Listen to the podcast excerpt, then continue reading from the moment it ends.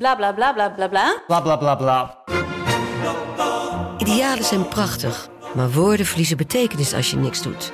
Dus laten we met z'n allen wat minder praten en meer doen. Bij Agmea zijn wij vast begonnen. Zo gaan wij voor minder verkeersslachtoffers, gezonde werknemers en duurzame woningen. Waar ga jij voor? Kijk op www.werkenbijagmea.nl Deze podcast is 100% expertisevrij en alleen geschikt voor amusementsdoeleinden. De inhoud mag dus niet worden beschouwd als financieel advies.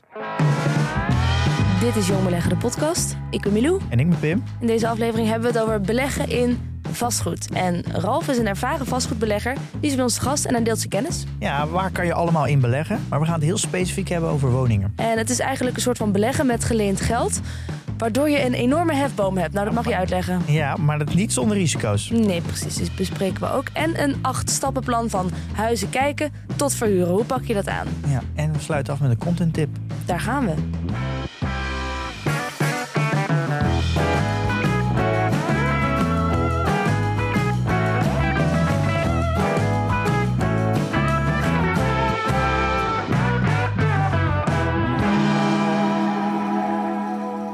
Ralf, zeg het maar.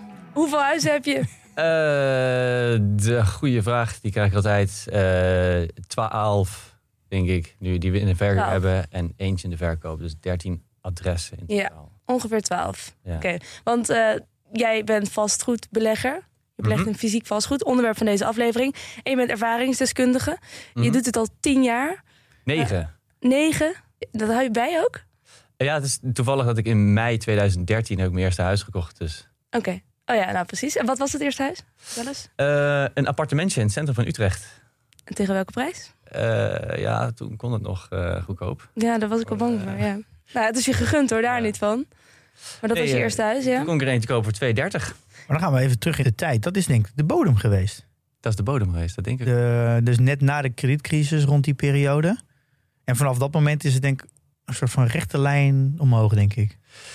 Eh, ja, grappig, want mijn vriendin heeft toen in dat jaar ook een huis gekocht. Maar dat was een half jaar later. En die begon echt al moeite te hebben met eh, een huis kopen. Dat het al lastig werd om, om ertussen te komen. Omdat er toen al eh, heel veel kijkers waren. Toen waren er al kijkers, toen werd het al moeilijker. Ja. En het is daarna alleen maar moeilijker geworden. Veel moeilijker toen we ons huis kochten waar we nu wonen. Dat was in 2016. Ja, toen waren de kijkdagen georganiseerd. Er waren echt, nou, ik denk per dag wel honderden mensen kwamen. Ja, Ja. En, en hoe, hoe vergelijk je dat met nu? Eh, ja, grappig, want op, precies nu, negen jaar later, heb ik het idee. En iedereen zegt de huizenmarkt is echt helemaal ontploft, super gek. Maar ik denk dat het eigenlijk langzaam weer begint te stabiliseren en wat rustiger wordt. En daar wil ik eigenlijk nog meer over op. Daar gaan we mee eindigen van eh, wat is de status van de markt. Ik wil ook even ervaring eh, delen. Ik heb afgelopen week heb ik twee huizen bekeken in Amsterdam. Dat is echt een soort carousel waar je in terecht komt. Je hebt een tijd, je staat dan met nog drie andere stellen. Nou ja, dan is het gewoon even kijken, snel het huis doorlopen. Nou, zo groot zijn die plekken ook niet die ik eventueel nog misschien met een huisgenoot met wie ik nu woon zou kunnen betalen. En dat is gewoon, volgens mij is het nog steeds redelijk druk. Ja, en dat is Amsterdam natuurlijk altijd weer een uitzondering eh, eh, op de, of de grote steden überhaupt. Ja. Maar wat ik zelf merk in de rest van Nederland, is dat het toch allemaal wel een beetje begint af te koelen. Oké, nou goed. Die warme gedachten houden we even vast. Ja. Ja. Ehm, laten we eerst eens beginnen met ja, wat is fysiek vastgoed? Ja, eh, vastgoed is denk ik in de regel fysiek. Als je het eh, ja, zo aankoopt als een, een een winkelruimte of een, een woonruimte. Of je kunt natuurlijk denken aan opslag. Mhm. Eh, bouwgrond, vaak wordt ook wel eens verward met roerende goederen. Zoals eh, een woonboot of een staakerven. Roeren betekent dan dat ze dus niet... Ja, dat is letterlijk gezien niet vast, omdat je ze zou kunnen verplaatsen. Ja, Maar vaak zijn ze toch ook plekgebonden. Want een woonboot is natuurlijk niks als die niet in het water ligt op een goede plek. ja en een staakerven heeft doorgaans ook geen wielen. Dus... Precies. Maar oké, ja. Ja. Dus dat is eh, dan eh, fysiek vastgoed. We hebben het ook wel eens gehad over beleggen in vastgoed. Pim, in een andere aflevering. Ja. Maar dat was dan... Aflevering 35, REITs. Hoef je Ja, niet een want heel je- huis te kopen, zeg maar. Ja, nou kijk, die, eh, vooral de wat meer vermogenden, de vermogensbeheerder, die proberen te spreiden. Dan heb je dus obligaties, waar dan je staatsobligaties, bedrijfsobligaties, en dan kan je daar ook weer in diversifiëren. Bijvoorbeeld junkbonds en misschien AA-rating. Dat heb je natuurlijk met aandelen ook. Je hebt een eh, variatie aan aandelen met andere risicoprofielen andere fases waar bedrijven in zitten. Maar je hebt natuurlijk ook vastgoed. En vastgoed, daar heb je ook weer allerlei vormen in. wat jij net aangeeft. Eh, je kan natuurlijk ook eh, beleggen in winkelpanden en ook eh, complete kantoorpanden. En dat zou dus ook weer kunnen via een beursgenoteerd bedrijf. Eh, die dan ja, gewoon in één Ja. keer eh, honderden kantoorpanden heeft. En dan kan jij dan met een relatief klein bedrag in meebeleggen. Of voor een Ja. ETF bijvoorbeeld. Maar, en Of dat is dan ja. puur omdat je ook in die sector wil zitten. Dat je zeg maar ook... Ja, exposure naar vastgoed. Ja. En we gaan het nu even specifiek hebben over, eh, over fysiek vastgoed. Dus je, je, je koopt echt iets zelf. Dus je bent eigenaar van dat stukje Ja. grond of, of, of een combinatie van grond en object. Mhm. Eh, en niet dat je via een broker het aandeel koopt. Maar dan kom ik wel meteen al een beetje in een probleem. Want ik denk dat heel veel luisteraars eh, dat niet op kunnen brengen. Want het is vaak, je moet veel startkapitaal hebben, toch? Om, eh, om te kunnen beleggen in fysiek vastgoed. Want dan moet je gewoon een soort van, ja, een huis kunnen kopen. Of een kantoorpand, of weet ik wat. Eh, nou ja, daar kan denk ik Rob wel wat over vertellen. Want er zijn wel, Ja. ik denk dat er, er zit een heel groot verschil tussen iets privé kopen, waar je zelf in woont. Dat is misschien wel de onderscheid die je moet maken. Is eh, vastgoed kopen waar je in woont, is geen belegging. Dat is niet beleggen. is geen investering. Dat is, gelden hele andere regels dan als je vastgoed koopt als belegging. Oké. En daar kan, je- ja, daar kan jij wel wat meer over vertellen. Wat het verschil Ja, is. zeker. Kijk, Nou kun je je eigen huis ook zien als een belegging. Eh, wij verhuren ook in ons eigen huis bijvoorbeeld. Eh, dat is wel een optie. Maar het is inderdaad wel iets anders. Want als je zelf een huis wil kopen... en daar lopen heel veel mensen nu tegenaan... is dat je maar kan lenen wat je kan dragen. hè. Ja. De bank doet een soort inkomenstoets. Als je gaat investeren in vastgoed... en je neemt een verhuurhypotheek... dan gelden er opeens hele andere regels. Een verhuurhypotheek. Ja, ik moet even denken aan, aan een boekje wat is geschreven door, eh, door een journalist. Hoe ik dan toch huisjesmelker werd. Hans de Geus is dat? Ja, ja, en die heeft het er ook over dat zelf een huis kopen is aanzienlijk moeilijker dan investeren in vastgoed. Dus ja, dan gaan we dat maar doen. Hmm, Oké, de- deze auteur die dacht ik wil een huis kopen. Hmm, dat lukt niet. Dan ga ik maar huizen verhuren. Want Ja, dat kan ik doen met geleend geld. juist. Ja, dan kun je makkelijker geld lenen. Wat, wat schreef eigenlijk... Dat is heel krom. Ja, Het is- zit er wel een hele logische gedachte achter. Want als je privé iets koopt, dan moet je, ja, de bank wil natuurlijk een garantie of de hypotheekstrekker dat jij dat kan, die lening kan betalen, terug Ja. kan betalen voor een 30 jaar. Dus die gaat een inkomenstoets. Dus het is afhankelijk van jouw inkomen. Als jij de woning koopt om te verhuren, dan heeft het niks te maken met jouw inkomen. Eh, ze kijken naar voor, hoe, ja, voor hoeveel kan dit object verhuurd worden. En die marge waar ze, daar gaan ze natuurlijk iets, iets beneden zitten, die marge. En denken, nou, als jij kan, het kan verhuren voor 1500 euro per maand, ja, dan kan ik jou ook een, een, een lening verschaffen voor ongeveer dat bedrag. Wat Ja. natuurlijk super vreemd is. Want als je zelf een huis koopt, dan gaat het om je eigen inkomen. Maar als je hem verhuurt, gaat het over de inkomen van de huurders. En die worden niet gecontroleerd. Ja, is natuurlijk Precies. super raar. En de huren zijn veel hoger dan wanneer je zelf een hypotheek zou krijgen. ja oké. dus ik kan al inschatten waarom we een beetje in deze situatie beland zijn. Absoluut. Ja. Goed. Dit is van heel goed onderscheid om te maken. Ja. Daar moet je heel duidelijk, als je vastgoed voor jezelf koopt, waar je in woont, is het geen belegging, want er gelden hele andere regels Ja. Mhm. dan als je het koopt als belegging. En dan, en daar gaan we straks ook op in. Dan moet je dus ook een hele andere vorm van berekenen. Eh, je moet ook getoetst worden op de verhuurcapaciteit. Maar misschien eerst wel goed om de vormen. te- ja, wat zou je allemaal kunnen doen met vastgoed? We hebben het natuurlijk constant over verhuren, maar dat is natuurlijk niet de enige vorm die je zou kunnen doen. Nee, eh, je zou eh, ervoor kunnen kiezen om een huis te kopen en op te knappen en weer door te verkopen, bijvoorbeeld. Dat is een huis flippen. Daar kun je Flippen. ook aan verdienen. Maar dan creëer je geen passieve inkomsten. Nee, alleen een, een Dat- tijdelijke Dat is- enorme ja, overwaarde. En dat, dat Ja. zou je wel kunnen. Er zijn veel mensen die dat wel gebruiken om te beginnen met investeren in vastgoed voor de verhuur. Dus dat je eerst een huis koopt om op te knappen en met die winst dan weer een nieuw huis gaat aankopen. Ja, oké. Dan maak je een soort van je startkapitaal van Ja. dan. Precies. Ja. Moet dan je wel moet je goed wel- zijn in klussen. Ja, dan moet je wel handig zijn. Ja. Ja. Heb jij dat wel eens gedaan?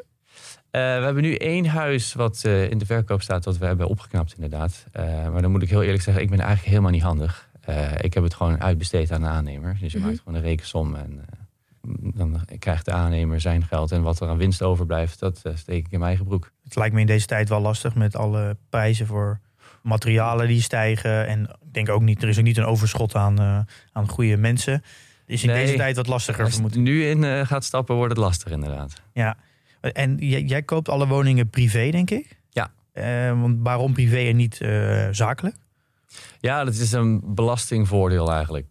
Kijk, als je een, het vanuit een bedrijf doet, dan zijn de huurinkomsten, die worden dan ja, als winst gezien in het bedrijf en daar betaal je winstbelasting over. Als ik het privé koop, dan valt het in box 3. Er wordt ook wel de feestbox genoemd. Mhm. Eh, want dan zijn alle huurinkomsten vrijgesteld van belasting. Oké. Dus stel uh, iemand overweegt het om te gaan beleggen in vastgoed. Dan zou jij zeggen, doe het dan in privé en niet vanuit een soort bedrijfachtige situatie. Uh, dat is weer situatieafhankelijk. Als bedrijf kan je wel weer meer doen. En uh, kan je, als je van plan bent om groots te gaan verbouwen, dan kun je al die verbouwkosten weer in mindering brengen. en de BTW terugvragen. Ja. Dus er zijn hier en daar wat afwegingen. Ook kan je als bedrijf veel verschillende soorten vastgoed kopen, wat als particulier niet echt raadzaam is. Zoals? Nou ja, denk aan, de, aan, aan winkelpanden of uh, bedrijfsruimtes. Uh, als je als privépersoon investeert, heb je namelijk verhuurhypotheek krijgen. Dat is voor de verhuur van een woning. En als bedrijf kun je ook investeringshypotheken krijgen voor veel grotere objecten. En uh, misschien zoals loodsen, industrieparken. Je kunt alle kanten op gaan. Ja, want het voordeel is natuurlijk als je het zakelijk zou lenen, een gedeelte van het geld, is dat het niet alleen afhankelijk. Je wordt niet alleen getoetst op de mogelijke verhuurcapaciteit. Maar je, je inkomenstoets is ook gewoon je complete Precies. inkomen van je bedrijf. Ja. Als de, gewoon, ja, je bedrijf. Dus je, je kan waarschijnlijk wat meer lenen dan. Omdat je ook andere vormen van inkomsten hebt. Die dat, Ja. die dat dan dekken. Ja, het is meer een soort ondernemingsplan wat je schrijft, waar dan een bank eh, een financiering op verstrekt. En het kan ook eh, gunstig zijn als je eh, een of andere constructie verzint, dat je zelf een BV hebt en je wil huren bij jezelf, dat je daar een belastingvoordeel uit kan halen in een constructie. Oké. Nou, dit wordt me wel vrij technisch allemaal, eh, denk ik. Maar kan je wat, wat, want dat is denk ik wel heel belangrijk. Kijk, Als je in belegt in vastgoed privé, is het wel heel goed. Ik denk noodzakelijk dat je de belastingregels goed kent. Want daar zitten Ja. uiteindelijk de voordelen van vastgoed natuurlijk. Wat kan je wat meer vertellen over de, de, ja, de Facebox, de box 3? Voor Ja. als je, want daar zit natuurlijk uiteindelijk de, daar zit natuurlijk de marge. Ja, daar zit het eigenlijk in. Ja. Je koopt een, eh, een huis en eh, ja, je hebt het geld niet, dus je leent het geld. Of in ieder geval het grootste gedeelte. Een verhuurhypotheek gaat eh, soms tot 90% Dus heel veel startkapitaal is niet eens nodig. En je startkapitaal kan je eventueel ook financieren met de overwaarde van een ander huis wat je al eerder had. Als de huizenprijzen blijven stijgen. Dan zegt de Belastingdienst van ja, dan heb je een huis gekocht. Dat is veel waard. Die staat in box 3. Dat is vermogen. Dus daar moet je vermogensrendementsheffing over betalen. Oh ja. Maar zegt de Belastingdienst zelf, ja, als je er niet zelf woont en je hebt het verhuurd, dan is het huis eigenlijk minder waard. Dat hebben ze zelf verzonnen. Er is een tabel voor om uit te rekenen hoeveel minder het waard is. Eh, dus de WOZ-waarde wordt gebruikt. En dat is een taxatie die eigenlijk al sowieso standaard een jaar achterloopt. Oké. Dus je hebt een hele lage WOZ-waarde ten opzichte van de waarde van het huis. Die wordt nog eens door de Belastingdienst verminderd. En daarna zeggen ze ook nog eens: oh ja, je hebt het geld eigenlijk helemaal niet zelf gehad, je hebt het geleend. Dus je hele lening die mag er ook vanaf. En dan Ah, blijft er eigenlijk geen vermogen meer over om rendement over te heffen. Precies, eh, belasting over te hebben.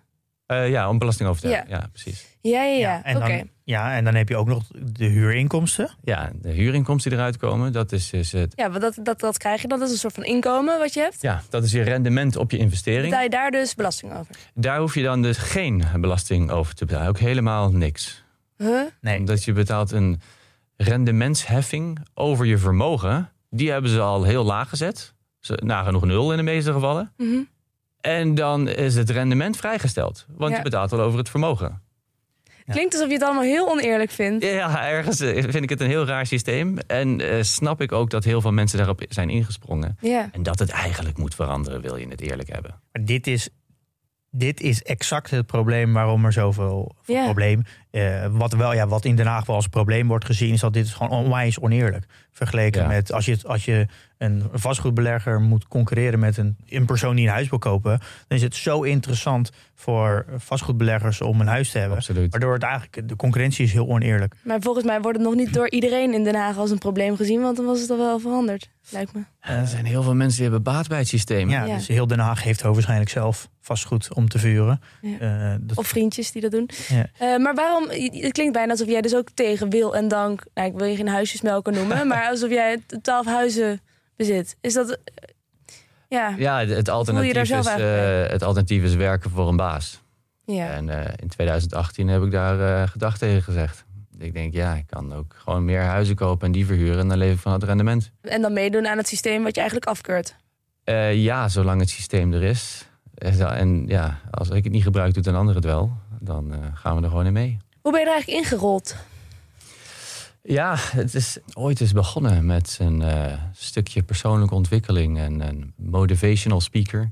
Mhm. Die zei eh, van je hoeft niet altijd maar de slaaf te zijn van de maatschappij. Je kan zelf het heft in handen nemen en een passief inkomen opbouwen Mhm. om financieel onafhankelijk te worden. Weet je, zo'n Amerikaanse droom. Het was ook een Amerikaan. Maar ik dacht, ach, ik kan er eens in verdiepen en eens kijken. En toen ik mijn eerste huis kocht, eh, ja, toen ging ik van een huis in de verhuur, waar ik huur moest betalen, naar een huis waar ik zelf woon. Waar ik ook nog eens een kamer kon verhuren aan een huisgenoot waar ik toch al mee woonde. En toen woonde ik echt een heel stuk goedkoper. En toen dacht ik, hé, hey, dat is interessant als ik er dan nog eentje bij doe. En ik ging er eens eh, wat meer over lezen. En ehm, ja, toevallig had mijn vriendin exact hetzelfde plan. Hm. En toen zijn we er samen eens eh, in gaan duiken. Dus dat is organisch, zeg maar zo. eh, Ja, zo is het uiteindelijk Ja. gaan groeien. En zeker omdat het met werk steeds slechter ging. Als in veel meer stress, veel gedoe. Richting een burn-out dacht ik, hé, hey, ik moet echt iets anders gaan Ja. doen. En dan uiteindelijk was de timing ook ideaal, omdat het dus in 2013 was. Toen je ook gewoon nog een huis kon kopen. Absoluut, ja, een enorm eh, voordeel mee. Want voor mensen nu is het, ehm, klinkt het natuurlijk ook heel fijn dat je een huis koopt en je kamer, een kamer gaat verhuren. Ja. Maar dat is vaak voor mensen die nu dan luisteren op dit moment iets minder haalbaar, denk ik. Minder haalbaar dan toen, maar nog steeds wel een realistische optie. Als je een huis wil kopen, dan kun je ook met meerdere mensen een huis kopen. Het is logisch om het met je, eh, je, je levenspartner te doen, maar je kunt het ook met een vriend of vriendin samen doen. En dat huis dan gewoon delen en gewoon een papier afspreken van nou ja, 50% van jou, 50% van mij. Want je je hebt het net over die, die 90% eh financieren. Want het beleggen in vastgoed is vooral interessant door de hefboom, denk ik. Hè? Ja, absoluut. En dat is wel, dat is volgens mij denk ik de enige assetklasse waar het, wordt, waar het geoorloofd is. Of sterker nog, daar wordt aangemoedigd om te beleggen met geleend geld. Ja, worden enorme hefbomen toegepast. Ja. Ja, want zonder hefboom, is het, is het, zonder geleend geld, is het dan nog interessant? Dan is het misschien nog steeds interessant, want je onderpand is redelijk waardevast. De vastgoedmarkt beweegt heel traag, eh, in tegenstelling tot eh, cryptocurrency bijvoorbeeld. Eh, dus als je iets investeert in, in vastgoed, dan is je waarde, ja, het heet niet niet vastgoed, het blijft vast. Eh, Hmm, natuurlijk ja. fluctueert het, Ja. maar ja, historisch gezien gaat het alleen maar omhoog. Een tijdelijke dippen. Ja. Maar En dat geldt nog voor de hele markt. Maar Ja. ik kan me voorstellen dat het bij de huizenmarkt ook niet van inderdaad... de ene dag eh, is, het huis, is het huis zoveel waard... en de volgende dag kan het opeens 20% minder waard zijn. nee, ja, zo gaat het in de regel niet. Nee, dat, En je hebt het geluk, denk ik, vanuit een eh, emotioneel perspectief... dat je niet een app kan openen en kan Ah. zien wat, Ja. die, wat die koersen doet ja. eh, van, van je huis. Dus Nee, ja. eh, omdat je dat niet hebt, hou je een huis vaak ook gewoon 20, 30 jaar vast. Dat Absoluut. zullen- moeten aandelenbeleggers eigenlijk ook meer doen. Maar omdat je elke dag kan kijken wat het doet, ga je ook vaak ook de ene en eruit, de ene en eruit. ja. Eh, Nou ja, en over die app gesproken, het is ook veel echter natuurlijk om in vastgoed te beleggen. Je kan het, je kan het voelen, je kan het zien, je kan het Ja, je, moet ruiken. het, nou, je moet het ook onderhouden. Dus je moet er ook regelmatig heen om, Ja. Eh, om af en toe ook onderhoud te plegen, denk ik. Maar het is tastbaar. Ik bedoel, dat is anders dan zo'n zogenaamd stukje aandeel wat ergens in de lucht zweeft, voor mijn gevoel. Wat dan wel voor mij is. Maar dat lijkt me er wel leuker aan. maakt het wel leuk inderdaad. Als je bij een huis eh, staat wat van jou is. Het voelt wel echt van kijk, dit heb ik gekocht. Ja. Het is wel weer fijn dan ja, eh, op, op een rekening een nummertje zien. Ja. Ja, en je onderhoudt denk ik ook heel goed de relatie met je, je huurders. Dus die, je, je wordt daar ook vaak mee ja, geconfronteerd. Dat is dan een negatieve. Als je, maar je wordt er, je wordt Ja. er bewust van dat er iemand gebruik maakt van Ja, jouw je, vastgoed. eh, je levert een dienst. Eigenlijk is een huis huren een enorme luxe. En ik lever die dienst. Ben jij een leuke huisbaas, denk je? Ik doe mijn best. Het is niet aan mij om dat te beoordelen, maar ik doe wel mijn best om het contact goed te houden. En het ook zelf te doen. hè, Want je kunt het ook uitbesteden aan de makelaar en het heel onpersoonlijk te maken. Maar ik vind het juist leuk om te weten wie woont er bij mij en eh, wat heeft diegene nodig om prettig te wonen. Dus ik help ook mee met eh, het inrichten van een huis als iemand eh, meubels wil hebben of als mensen opeens een betalingsprobleem hebben van oh shit, ik zit deze maand lastig. Nou, dan verzinnen we een constructie. En ik probeer eigenlijk wel zo met goed contact, zo goed mogelijk. Ja.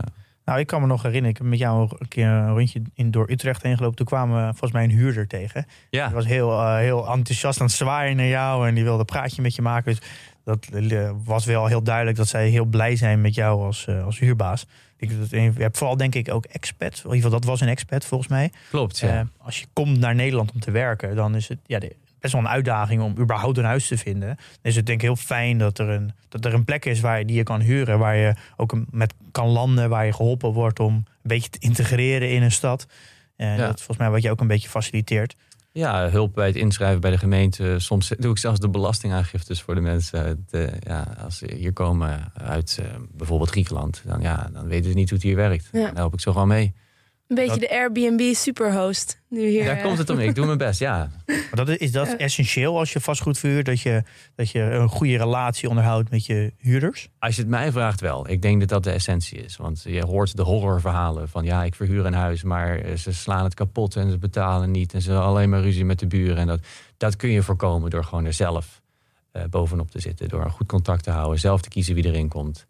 En eh, Ja, en als er een keer iets kapot is, wat, wat dan jouw verantwoordelijkheid is, dat je dat ook gewoon gaat fixen of zo. absoluut. Ja. Ja. eh, Van gewoon, twee kanten. Ja, erkennen van hé, hey, ja, dit is inderdaad aan mij om op te lossen. Dat ga ik voor je regelen. En het dan doen. Ja. Ja. Ja, het gebeurt wel eens dat er ergens een lekkage is. Ja, Ja. dan moet ik het maar oplossen. Ja, het is echt, echt, echt helemaal passief. Is het nooit. Ja, in mijn geval is het niet helemaal passief, maar je kunt het ook allemaal volledig uitbesteden. Dat je gewoon zegt van joh, eh, pak maar een deel van de huurinkomsten. Dan is mijn, eh, mijn marge lager. Maar dan moet hè, een makelaar is dat, een verhuurmaker, die moeten alles regelen. Ja. Als er iets eh, gerepareerd moet worden of als een huurderwissel is, dan, ja, dan hoef je er niks aan te doen. Kun je gewoon eh, ja, met je luie reet op een Canarische eiland liggen. Nou, ik wou net zeggen, dan heb je helemaal geen reep meer te doen. Nee, maar Nee, je, ja. betaalt, je betaalt daar wel een, een percentage over. Absoluut. Dus je rendement gaat naar beneden. Ja. Geen enkele assetklasse is risicovrij. Dus dit ook niet. Eh, wat, Nee. wat zijn de risico's? ja, de nadelen. Ook leuk. Eh, ja, eh, het is natuurlijk een enorme investering die je doet. Dus, eh, en je werkt met een enorme hefboom. Dus stel, je hebt het geld nodig en de huizenmarkt zakt in elkaar en je krijgt je huis niet verkocht. Ja, Ja. dan hang je.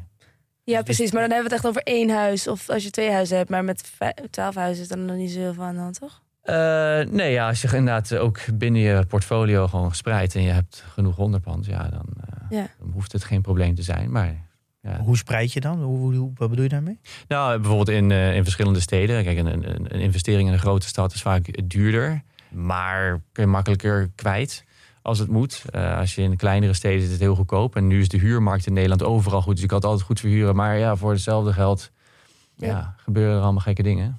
Je locatie. Je, loca je bedoelt spreiden over locatie. ja, precies. Ja, locatie. Of, of eh, in, in, in, eh, je doet er een winkelpand bij. Ja, dus ook dus spreiden op locatie, spreiden in type, type vastgoed. Kan ook. Ja. Ja. Ja, of short stay of permanent. Hè. Je kan ook zeggen van ja, ik doe ook wat eh, Airbnb. En eh, als, eh, als de toerisme toeneemt, dan kan ik daar weer meer in verhuren. Ja, precies. En je zegt hefboom. Dat moet je even uitleggen, denk ik. Ja, het is omdat je eigenlijk heel weinig geld er zelf in stopt, maar je leent heel veel geld. Ja. Maak je een rendement op eh, ja, het geld van de bank eigenlijk. Ja, dus geld wat je niet hebt. Juist. Daar, daar geen rendement op maken. Oké. Ja, je maakt er echt rendement op, maar Ja. je hoeft er niet echt belasting over te betalen. Dat klinkt niet als een nadeel. Ik dacht het over de nadelen had. Nou, het, na- het nadeel is natuurlijk dat als het huis onder water komt te staan, ja, je, je hypotheek hoger is dan de waarde van je huis. ja. En dat Ja. kan wel een groot risico zijn. Ja, Eh, maar zolang je denkt de hypotheek blijft betalen, zal de hypotheekverzekeraar zeggen, nou, maar als je een keer een maand niet betaalt, dan gaan ze aankloppen. ja. Eh, dat is denk ik een, een risico. Ja, want dan moet er eh, een executieveiling plaatsvinden. Want dan wordt je huis ingenomen en dan gaan ze je huis verkopen. Nou, eh, het is een beetje een soort van beleggen met leverage. Krijg je een margin call van je broker. Ja. Nee, je onderpand is weg. Je moet bijstorten. En als je dat niet binnen twee dagen doet, dan gaan we de boel liquideren. Want wij willen ons onderpand. Eh, Ah, dat, is een, dat is een risico. En dat heb je gezien in 2008, 2009, 2010. Heel veel huizen gingen onder water. Eh, Mensen gingen scheiden. En die moesten hun huis verkopen, maar het, eh, het huis stond onder water. Eh, of mensen raakten hun baan kwijt, konden de hypotheek niet meer betalen. Huis moest weg. Nou, zo gaan mensen echt de financiële malaise in. ja, daar ben ik dus ook zo bang voor. Maar goed, Het is een grote schuld. Ja, het is ook de reden waarom mensen toch niet gaan investeren in vastgoed. Want het is te spannend. Het is te veel geld. Ja, je denkt van, het moet een keer instorten. Ja, je- En dat zal wel binnenkort gebeuren. Ja, Denk- denken mensen dan, dat weet je men- niet, Ja, maar- precies. Je weet het niet hoe het eh, gaat lopen. En het is natuurlijk een ander, een ander nou is het, het is niet echt liquide. Dat is natuurlijk het verschil met aandelen. Klopt. Ja, zolang de beurs open is, kan je het instant liquide maken. Je kan gewoon verkoop drukken en je hebt de, de cash. En bij vastgoed zit er wel een flinke vertraging in. Want het- Absoluut. als je morgen, als je nu bepaalt dat je het huis wil verkopen, dan heb je niet morgen het geld. Nee, voordat het eenmaal op funda staat en dat Ja. mensen bezichtigd hebben en hun financiering hebben geregeld, dat duurt lang. Ja, dus dat is een, een, een Ja. mogelijk risico. eh, als je zo'n goed gespreide portefeuille, dan wil je altijd zorgen dat je voldoende, eh, ook voldoende eh, in liquide middelen hebt. Voor als je, als je echt klappen wil opvangen, dat, dat je dan niet je huis moet verkopen. We hebben natuurlijk ook huurders. Dat is ook, eh, kan ook een nadeel zijn. Ja, als je geen zin hebt om eh, met huurders te dealen, dan, ja, Dan is het een nadeel. dan is het een nadeel. Of als ze niet betalen. Of als ze niet betalen, eh, of eh, als er dingen stuk gaan en je kan geen aannemer vinden. Ja, het is altijd een stuk arbeidsintensiever dan maar gewoon een ETF kopen en wachten. Ja. Dus dat is een nadeel. Eh, en nu kan je een prachtige rendementsberekening maken. En dan komt de overheid opeens en die zegt: ja, we gaan de huurmarkt reguleren.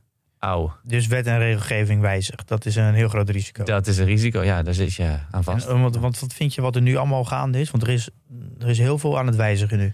Ja, kijk, eh, zoals we net al hebben besproken, het systeem is vrij oneerlijk. Eh, en het wordt heel hard rechtgetrokken. Er is al 8% overdrachtsbelasting voor, eh, voor investeerders als je een huis aankoopt. Eh, maar ook bij de verhuur wordt het allemaal moeilijker gemaakt. Er zijn heel veel gemeentes die nu zeggen van ja, je mag hier best een huis kopen, maar dan ga je er maar zelf wonen.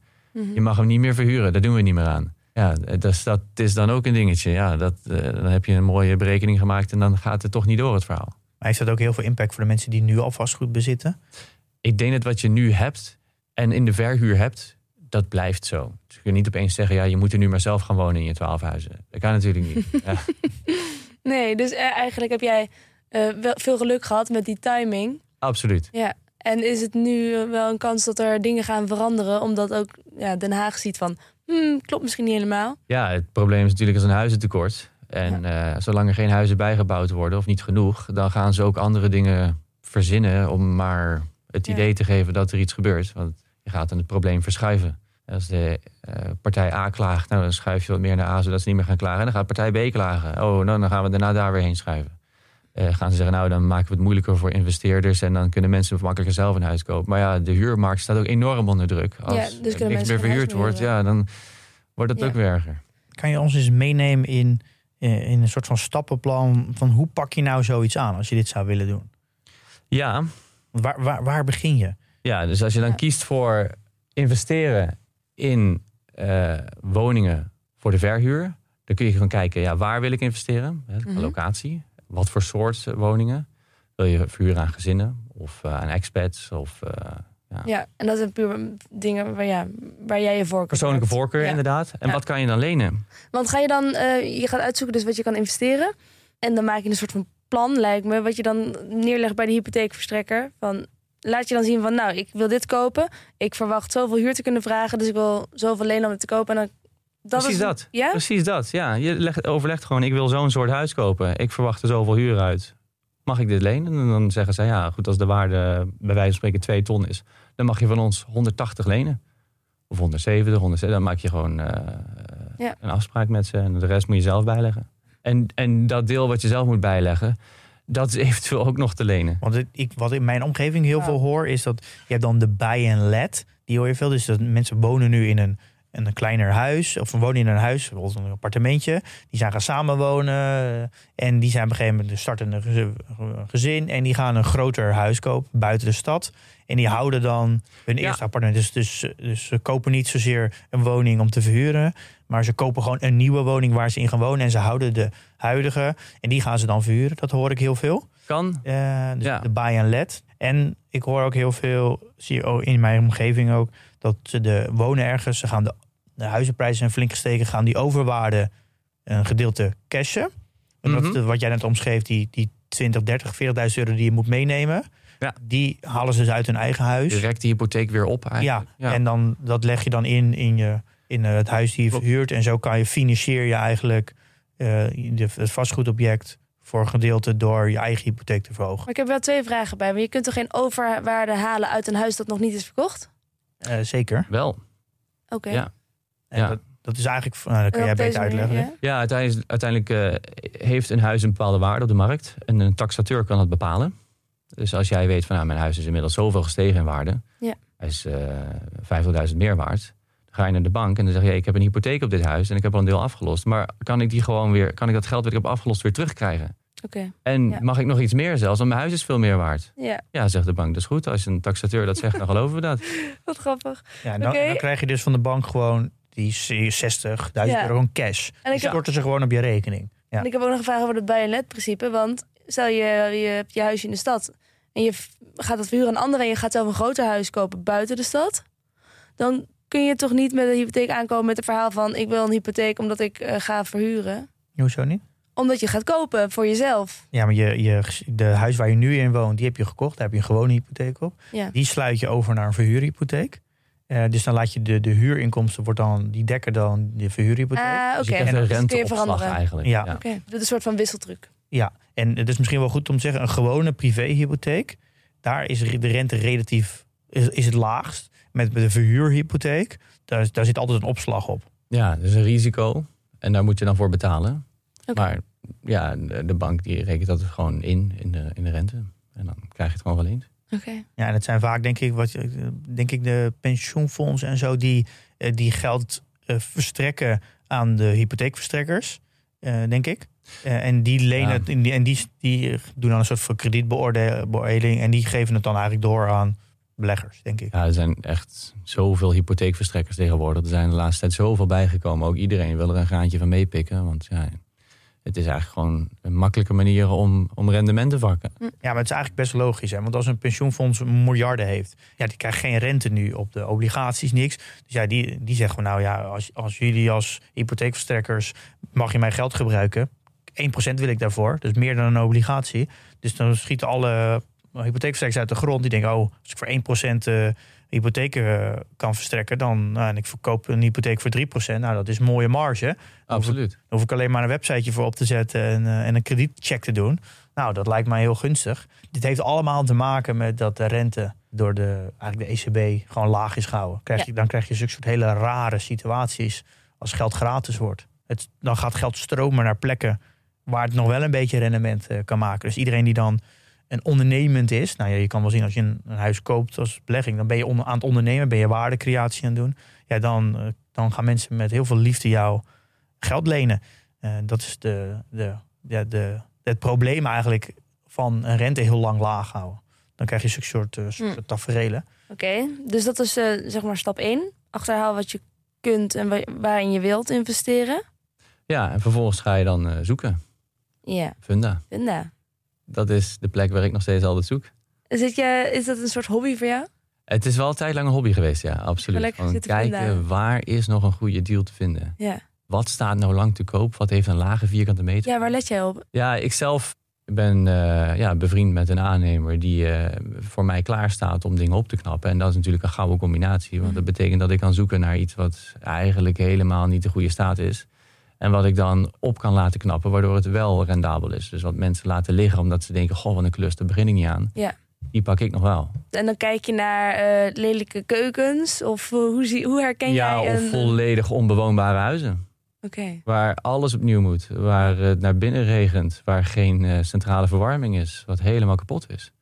Dat die kunnen bij jou terecht, die arme huisjes. Absoluut, absoluut. ja, want je Ja. maakt dan een rekensom. Van eh, wat eh, kost het huis nu, hè, relatief goedkoop. En, en wat kost eh, de verbouwing? Nou, dat kan ik inmiddels goed uitrekenen. En dat, dat vraag ik gewoon aan, aan een aannemer. Joh, wat kost dat? Nou, dan kun je een rekensommetje maken. Oké, dus het, dat doe je dan op Funda. Zijn er nog meer plekken waar je kan kijken waar je een goede deal kan maken? Ja, de, de grap is dat vorig jaar hebben we er eentje gekocht. Die verkocht het zelf iemand. Die had een bordje gewoon op zijn raam geplakt. Echt, kan Ja. dat? Ja, Mag dat? het mag, ja. En, niet Er stond gewoon een huis te koop. je ja. bent niet verplicht om je huis met een makelaar te verkopen. Hè? Ja, of je hoort via via van... hé, hey, eh, mijn oma gaat naar een, eh, een verplegingshuis... en ze wil de huis gaan verkopen. Nou, zet het nog niet op Funda. Ik heb een goed bod.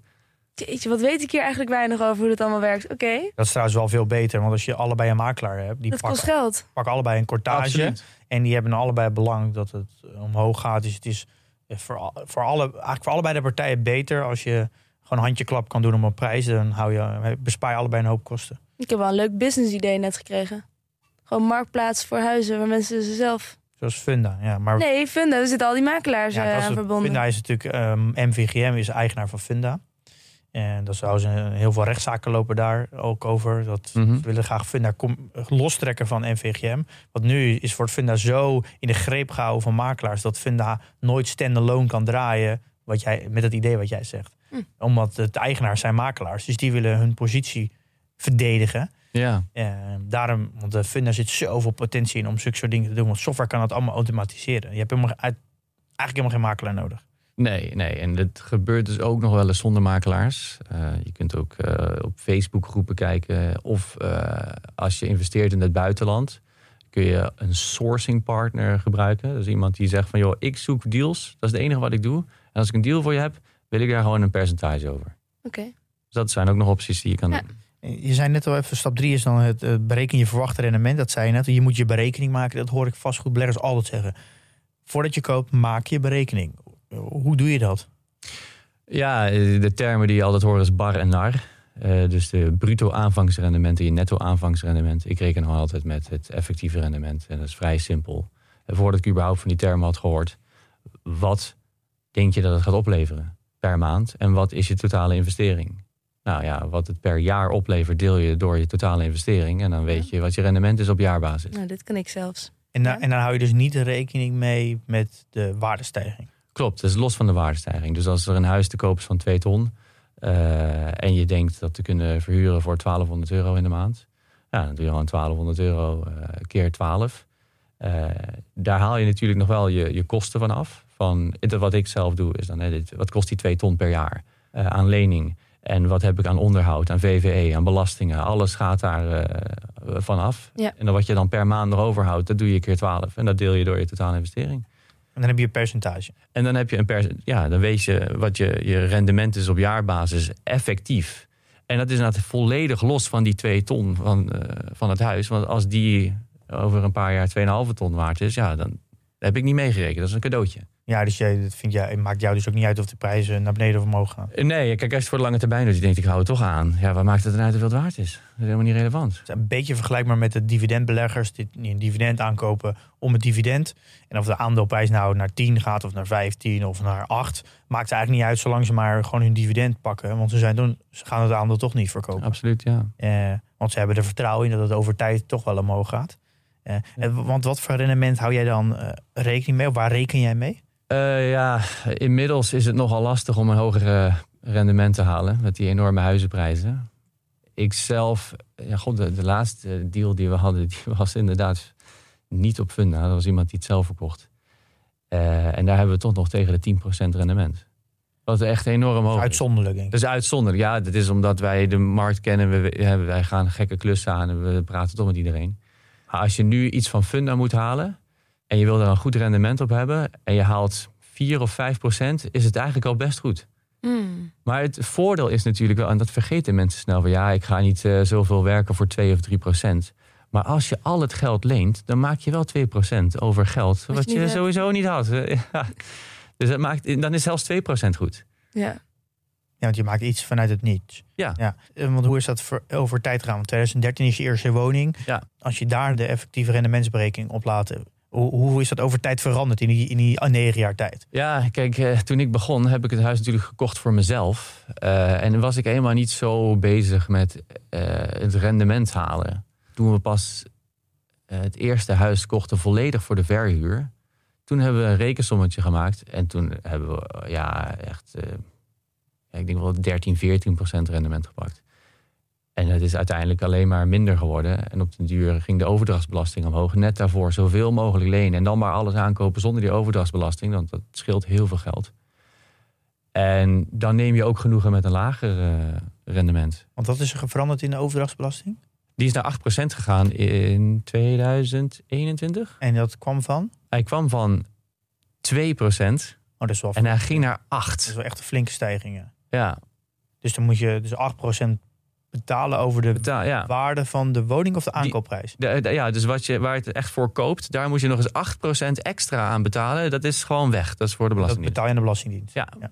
Ja, Om het te ontmoedigen precies. voor eh, vastgoedbeleggers om huizen te kopen. Ja, dus als je dan je, je rekensom weer gaat maken, wat is mijn effectieve rendement, dan hè, wat je per maand vangt is nog hetzelfde. Alleen je investering is opeens 8% hoger Dus kom je toch lager uit in je rendement. Want die 8% die kan je niet lenen. Die moet je natuurlijk zelf betalen. Die moet je zelf betalen, ja. per direct gewoon En, gelijk. en, ja. en natuurlijk kun je al het geld lenen. Als je wil kun je gewoon een persoonlijk krediet krijgen. Maar dat is niet heel verstandig, want het rente nogal hoog. Maar er zijn mensen die lenen echt alles. Maar ja, dan ga je wel te veel risico opzoeken, denk ik. Dan ga je zeker meer risico nemen, ja, absoluut. En dan, dan heb je je rendementsberekening gemaakt. Dan denk je, nou, 6%, dit lijkt me een goede deal. Dan eh huis op Funda bekeken. Je hebt een rendementsberekening gemaakt. 6% denk, denk je dat eruit komt. Hoe ga je dan onderhandelen over de prijzen en de voorwaarden? Hoe doe je dat? Ja, daar kun je natuurlijk een hele podcast op zich van maken. Hoe onderhandel je? Er zijn boeken over volgeschreven. Mhm. En in deze tijd is het natuurlijk alweer heel anders. Want eh, het is eigenlijk eh, de vraag hoe, hoe- hoeveel moet je overbieden, is het haast. Ehm, maar het is aanvoelen. Ja, als je goed bent in onderhandelen, eh het grootste, de grootste winst kan je pakken bij de aankoop, niet bij de verkoop. Als je gewoon goed kan onderhandelen, ja, dan kun je gewoon duizenden euro's eraf halen. Waar, waar soms in de supermarkt eh, denk je echt van, oh shit, eh, misschien eh, is het een beetje duur, zal ik die met korting. Dit, dat natuurlijk, het valt allemaal weg als je het hebt over huizen. Daar is het pas interessant om te onderhandelen. Ja. Er zijn genoeg mensen die beknibbelen over een, een abonnement of een eurotje hier en daar. En bij een huis, zo, dat is spannend. Ja, ik bied dit wel gewoon. Ja, want het zijn zulke grote bedragen dat je denkt van ja, wat maakt 10.000 extra of Terwijl dan dat uit. is net zo echt geld als wat je in de supermarkt uitgeeft natuurlijk. Ja. Dus daar... En daarmee maken mensen elkaar ook gek en dan gaan ze zo superveel overbieden, Ja, denk Ja. ik. Want je denkt van nou ja, ja 5.000 extra, 10.000 extra, misschien 20.000 extra. wat kost dat per maand? En, en Ja. met een lage rente is dat dan niet eens zo heel veel. Maar het is wel echt geld wat je elke keer weer kwijt bent. Ja, het is wel veel, gewoon veel geld. Ja. Het is echt veel geld, ja. Dus dat Kan is wel verstandig, ja. Kan je nu in deze tijd nog steeds onderhandelen? Ja, altijd. Je kunt altijd onderhandelen. Ja? En koop je dan Ja. ook op Funda wel eens iets onder de vraagprijs? Ja. Absoluut. Zie je het kijken. Ja, Milou, jij, bent, jij, jij valt helemaal van je stoel af volgens mij. Ja, ik moet even met Ralf gaan praten, Je denk weet ik. niet wat je Dus hoort. luisterkopen straks. Ja, je moet volgende week in Den Haag Heb je- kijken. Heb je ja. iets te doen Kan je dinsdagmiddag? een paar echte goede onderhandelingstips geven? Ja, het begint bij eh, het vinden van de deal die niemand anders wil. Dus als je een, een, een appartementje zoekt eh, voor rond de 2, 2,5 ton in Amsterdam, dan weet je dat iedereen die wil, daar wordt onderhandelen heel moeilijk. Het is een stukje vraag en aanbod. Ja. Als jij een deal vindt, en da- daar kijken ze ook op Funda, hoe lang staat het al te koop? Zijn er al biedingen geweest? Dat, je gaat altijd vragen, hoe, hoe is het proces verlopen? Hoe, hoe, eh, en, en staan jullie ook open voor een bod onder de vraagprijs? Gewoon vragen. En kijken, een beetje aanvoelen hoe dat, eh, hoe dat bij mensen ligt. Mhm. Ja, en ook gewoon eh, een beetje ballen hebben. En gewoon zeggen, ja, ik, eh, ik bied 40, 50.000 minder. En dan kijken hoe iemand reageert. En dan is het inderdaad de zaak dat je de enige bent die reageert. Dan heb je de beste onderhandelpositie. Absoluut, ja. Ja, oké. Dus je kan moet je- eigenlijk nog gewoon een huis willen wat je niet wil. Ja, of je moet meer, minder genoegen nemen met een andere locatie. En niet allemaal maar in dat kleine stukje Amsterdam willen zitten. Nee, ja, ja. Eh, kan je ook nog eh, onderhandelen over de voorwaarden? Heeft dat ook nog effect? Ja, absoluut. Tuurlijk, ja. Eh, wanneer wordt het opgeleverd? En ehm, eh, inboedel erbij. Of eh, zeg je van, joh, je hoeft verder niks meer aan het huis op te knappen. Of alles is te onderhandelen, natuurlijk. En eh, bijvoorbeeld om de, om, de, om de voorbouw van bouwkundige taxatie. Of Ja. Op voorbouw van financiering en zo. Zulke zulke soort dingen. Heeft dat ook effect? Eh, ja, het is een risico voor een verkoper als er nog allemaal voorbehoud op zit. Dus hoe minder, hoe beter. Als je zegt van, joh, ik bied 20.000 minder. Maar dan tik ik hem gelijk af. Dan hebben we het nergens meer over. Ik hoef geen voorbehoud, ik hoef geen keuring, niks. Ja. Ik tik het gewoon, heb jij het, klaar. Ja. Dat is voor mensen ook interessant. Ja. Heb je dat wel eens gedaan? Ook eh, gebruikt in je onderhandeling? Ja, het- als in bouwtechnische keuring, dat doen we eigenlijk nooit. Inmiddels zie ik wel of een huis inzakt of niet. Ja, en Ja.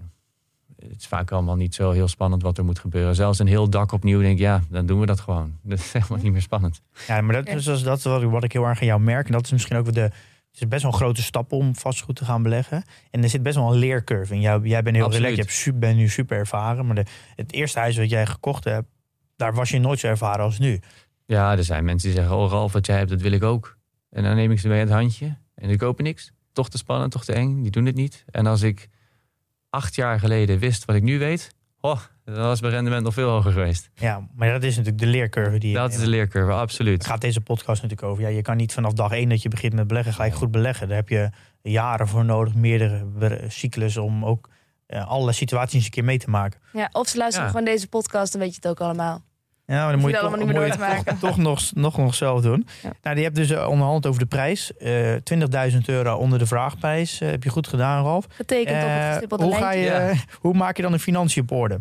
Ja, dus wat er dan gebeurt is, hè, je hebt al van tevoren gepeild bij een hypotheekverstrekker. Van eh, hè, als ik zo'n soort huis koop met zo'n rendement, krijg ik dan het geld? Ja, tot zeggen ze 80 of 90 procent of 70 procent van de, van de taxatiewaarde. Dus je moet een taxatie gaan regelen.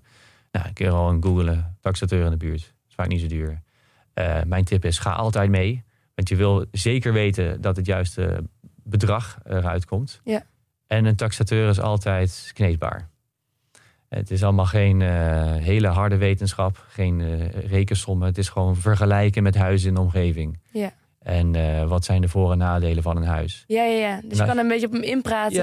van Jij de- zegt basically, jij weet wat voor, wat voor taxatiewaarde eruit moet komen. Want dat weet je, heb je met de hypotheekverstrekker besproken. Dus die taxateur die moet gewoon dat opschrijven. Ja, en, dan weet je ook of het haalbaar is of niet. Dus dan van tevoren doe je al het huiswerk. Dan zeg je, joh, die huizen in de buurt zijn voor deze, deze prijzen verkocht. En als je het daarmee vergelijkt, dan klopt deze prijs toch ook. En, Ja, ja. eh, En daarboven zit een wietplantage. Je moet het ook Ja. even mee. ja, bijvoorbeeld.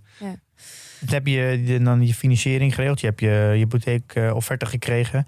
Nou, die is allemaal rond. Je, de woning is via jou, hebt de sleutel gekregen. Dan moet je een huurder zoeken, denk ik. Ja, ja en je rendement gaat pas eh, stromen uit de huurinkomsten natuurlijk. Eh, en, en deze, ja, ja, wat, als je hierna gaat doen, kun je allemaal uitbesteden. Je kan ook zeggen, joh, ik heb nu een verhuurmakelaar. Ik heb hier een huis. Eh, regel het maar. Mhm. En dan eh, is het klaar. Dan gaat de verhuurmakelaar alles voor je regelen. Ja. Ik vind het leuker om het zelf te doen. Ik vind het leuk om een, een huis eh, nou ja, verkoop klaar te maken. Dus eh, dat die gestoffeerd is op zijn minst. En misschien zelfs gemeubileerd. En dan eh, zet ik een advertentie. En waar doe je dat? Ja, ik gebruik Facebook.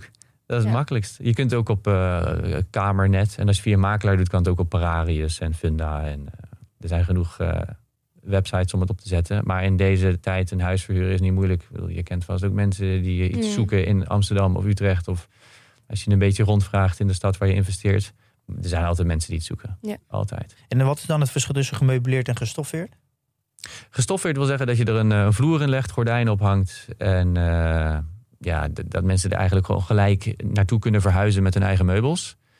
Eh, want er worden nog steeds ook huizen verhuurd. Dat doet eh, sociale huurbouw, is dat geloof ik. Die sociale huur, die leveren een huis helemaal kaal. Ja, helemaal, Zelfs zonder vloer. Gewoon Ja. Ja. dat je alles er nog in moet leggen. Maar dat zijn alle, al de, de woningbouwverenigingen. MVGM en Ja. de, al, IJmeren en zo. Die doen het allemaal zo. Ja, en mensen willen eigenlijk, zeker als je voor een relatief korte termijn huurt, hè, als je 1, 2 jaar ergens woont of eh, als expat kom je naar Nederland en je weet niet hoe het gaat lopen, dan wil je niet heel veel investeren in je woning. Mhm. Eh, dus willen ze in ieder geval gestoffeerd en misschien zelfs met meubels. Nou ja, dan doe ik gewoon een rondje marktplaats. En dan zet ik er wat neer. Eh, en dan, eh, nou, dan heb je de, die advertentie gepla- geplaatst. Mensen gaan reageren. Nogal hard. Even 50 man reageert. En dan, hoe, hoe, hoe- ja, je gaat ze niet alle 50 laten langskomen. Nee, dus je doet altijd een voorscreening, gewoon even een gesprekje met die mensen. Eh, je belt ze even op. Waar kijk je dan naar? Ja, ik vraag altijd van wat is de reden waarom kom je hier wonen? Hè? Waarom ben je op zoek naar iets? Waar, waar kom je vandaan? Dat is ook al een hele goede vraag. Hè? Als je dan hoort van ja, nee, ik had ruzie, echtscheiding. eh, dan gaat er bij mij een alarmbel af. Oh, blijkbaar niet de makkelijkste persoon. Ehm, eh, of, eh, ja, eigenlijk of je een klik hebt met iemand. Daar komt het op neer. Het is een beetje mensenkennis. Er zijn ook mensen die heel vriendelijk, leuk, vrolijk. En als ze er eenmaal zitten, zeiken als een malle. Mhm. Dus een beetje aanvoelen van wat voor persoon is iemand. En het komt heel vriendelijk over, maar is dat oprecht? Ja. En daar zit het hem vooral in. Dat je van tevoren al screent. Hoe is iemand in zijn communicatie? Eh, dan mensen uitnodigen waar je denkt, oh, daar hebben we wel een goed gevoel bij. En dan ter plekke echt een gesprek aangaan. Niet van, dit is het huis, wil je het hebben of nee? Maar echt een band opbouwen. Zodat jij zo min mogelijk gezeik krijgt Precies. later. Dat is ook, ook hier geldt een beetje net met de aankoop van een huis. Hier maak je de grootste winst. Door de juiste huurders erin te hebben. En niet maar zomaar mensen. En die fout hebben we natuurlijk ook gemaakt. De eerste de beste genomen. Ach, die jongen die wil zo graag een huis en Ja. heeft het zo hard nodig. En achteraf snap je ook waarom. Want die heeft heel zijn leven niet op orde. En dat, zijn problemen komen ook bij jou op je bord. Nou, dus doe je dan ook een in- inkomenstoets? Van dat je de salarisstrook opvraagt zo, om te kijken of iemand überhaupt kan betalen. Nee, dat is het gekke. Als ik vraag wel naar iemands werk. En als iemand zegt dat hij het kan betalen, dan geloof ik dat. Want wat er op papier staat, dat is ook allemaal wassen neus. Mensen kunnen gewoon ontslagen worden. Ja. Soms staat er ook niks op papier als je net ZZP'er bent geworden. Ja, en ZZP'ers komen heel moeilijk aan een huis. Ja. Eh, terwijl ik denk, joh, ik, ik zie dat jij een hartstikke leuk bedrijf opzet en dat het heel goed draait. Ik geloof daarin. Prima, je mag bij mij huren, geen probleem. En jij maakt het dus eigenlijk heel erg gewoon op de persoon. Jij, Absoluut. jij gaat met iemand in gesprek, kijken een beetje hoe, die, hoe dat aanvoelt. En daar, daar ga je op beoordelen of, eh, of je die als huurder wil. Ja, je maakt een vertrouwensband eigenlijk. Hè? En ik kan me ook wel voorstellen, als je graag een relatie wil opbouwen met je huurder, wat, wat je aangeeft dat het belangrijk is, dan moet het ook wel een soort van klik zijn. Dat je het ook makkelijk is om de, relatie te onderhouden. Zeker, zeker. Ja, dat op de lange termijn heb je er alleen maar voordeel bij. Ja, dus je noemt eigenlijk twee punten. De aankoop. Dus de, de grootste winst is in te halen in de aankoopprijs. Nou, Ja. Dat is een beetje vergelijkbaar met aandelen ook. En je zegt ook de, de winsten zitten hem in eh, de goede relatie met je huurder. Dus de Ja. moment dat je de huurder kiest. Dat Ja. zijn eigenlijk de twee allerbelangrijkste momenten. Zeker, ja. Dus, en alleen daarom zou ik al adviseren om het niet uit te besteden aan een makelaar, maar het zelf te doen. Ja, want die doet het heel zakelijk. Die kijkt gewoon naar inkomenstoets. Ja, Die kijkt eigenlijk helemaal niet naar personen, gewoon naar Niks. nummertjes. ja, precies.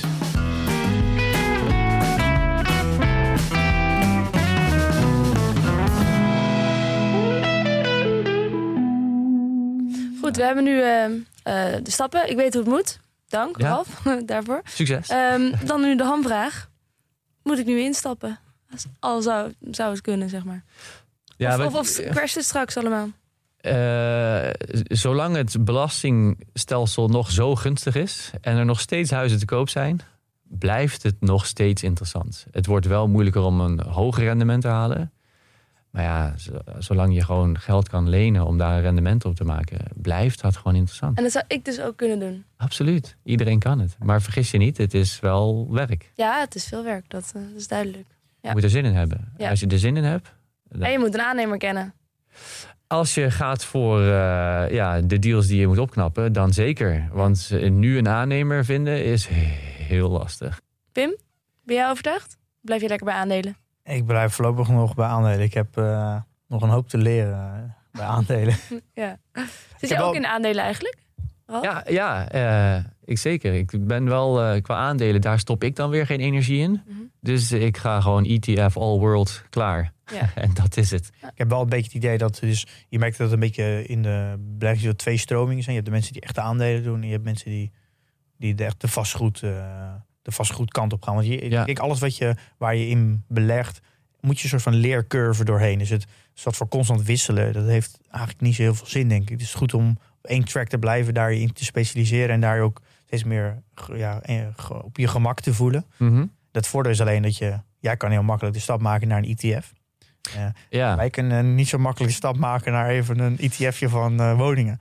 Nee. Nee, nee, nee. Woningen investeren is wel echt een vak apart. Absoluut.